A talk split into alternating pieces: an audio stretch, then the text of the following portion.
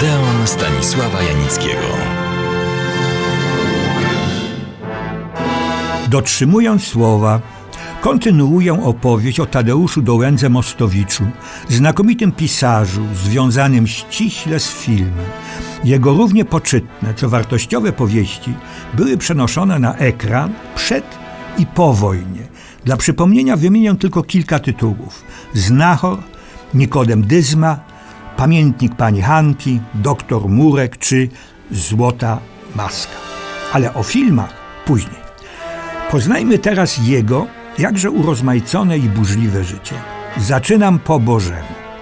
Urodził się 10 sierpnia 1898 roku w Okuniewie na Witebszczyźnie, dzisiaj Białoruś. Tadeusz był synem Stefana i Stanisławy z Popowiczów. Tak jak wielu synów kresowiaków, chodził i ukończył gimnazjum w Wilnie, a następnie rozpoczął studia na Wydziale Prawa Uniwersytetu w Kijowie. Był już wtedy członkiem polskiej organizacji wojskowej, działającej, rzecz jasna, nielegalnie. W 1917 roku przerwał jednak studia i wyjechał do Warszawy. Jako ochotnik walczył w wojnie polsko-bolszewickiej. Wzorcowo patriotyczny życiorys. W niepodległej już Polsce w latach 1922-26 był współpracownikiem, a wkrótce redaktorem dziennika Rzeczpospolita. Świetny, coraz bardziej czytany i ceniony dziennikarz, podejmujący bezkompromisowo także tematy polityczne. Upraszczając, powiem, że był konserwatystą. Jako żołnierz polskiej organizacji wojskowej oddany bez reszty jej komendantowi, Józefowi Piłsudskiemu. Ale Tadeusz Dołęga-Mostowicz był także, raczej przede wszystkim, człowiekiem na wskroś uczciwym.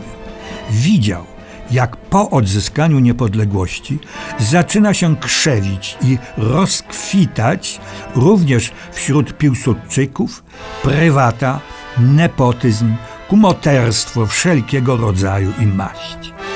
Po zamachu majowym w 1926 roku nie mógł pozostać biernym obserwatorem. Zaczął występować na łamach pracy ostro i bezkompromisowo przeciwko tym gorszącym, haniebnym zjawiskom.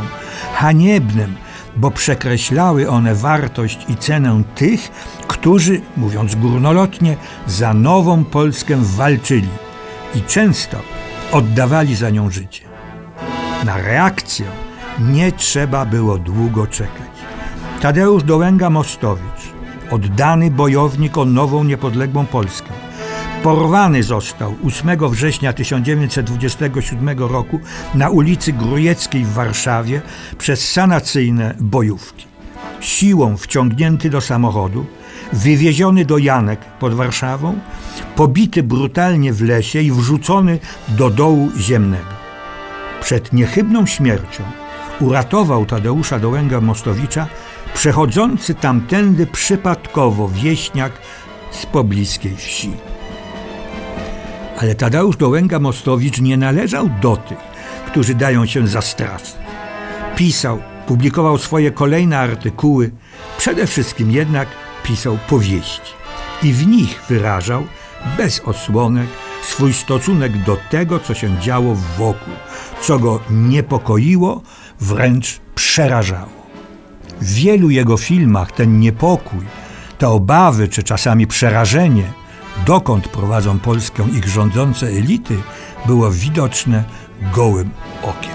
Ten dylemat, podobnie jak w przypadku Witkacego, przybrał rozwiązanie wręcz symboliczne. W czasie kampanii wrześniowej, czyli początku II wojny światowej, Tadeusz Dołęga-Mostowicz walczył jako żołnierz, dokładniej kapral podchorąży. Dotarł na krańce Rzeczpospolitej do małej granicznej miejscowości Kuty. Tu zastało go na mocy hitlerowsko-radzieckiego porozumienia Mołotow-Ribbentrop wkroczenie wojsk sowieckich. Wyszedł na most, żeby powstrzymać wjazd obcych czołgów na teren Rzeczpospolitej. Natomiast dla czołgistów każdej armii człowiek w mundurze na linii ostrzału znaczy jedno otworzyć ogień i zniszczyć przeszkodę. To przypadkowe, w skutkach tak tragiczne wydarzenie zakończyło życie Tadeusza Dołęgi-Mostowicza. Jego prochy sprowadzono do Warszawy 24 listopada 1978 roku i pochowano w katakumbach cmentarza Powązkowskiego w Warszawie. Tak zakończyła się doczesna droga Tadeusza Dołęgi-Mostowicza. A o jego powieściach i filmach opowiem Państwu za tydzień. Serdecznie zapraszam.